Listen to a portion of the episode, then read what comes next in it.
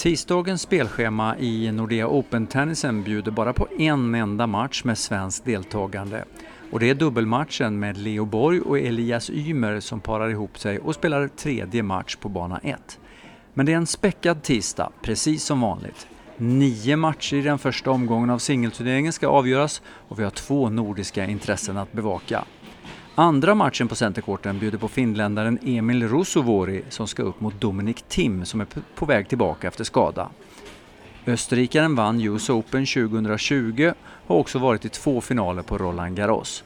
Däremot har han haft märkbart svårt efter sin comeback i våras och har ännu inte vunnit en ATP-match.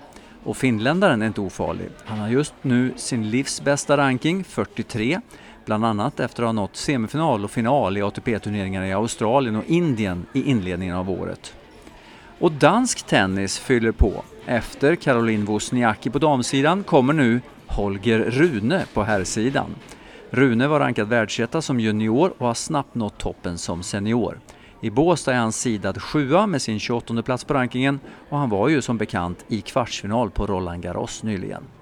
Och eftersom spelschemat är gediget spelas det idag tennis även på de nedre banorna dit det är gratis inträde. Och där har ni flera stjärnor att hålla koll på. Karatsev Sonego redan klockan 11 på bana 2 är ett tips för dagen.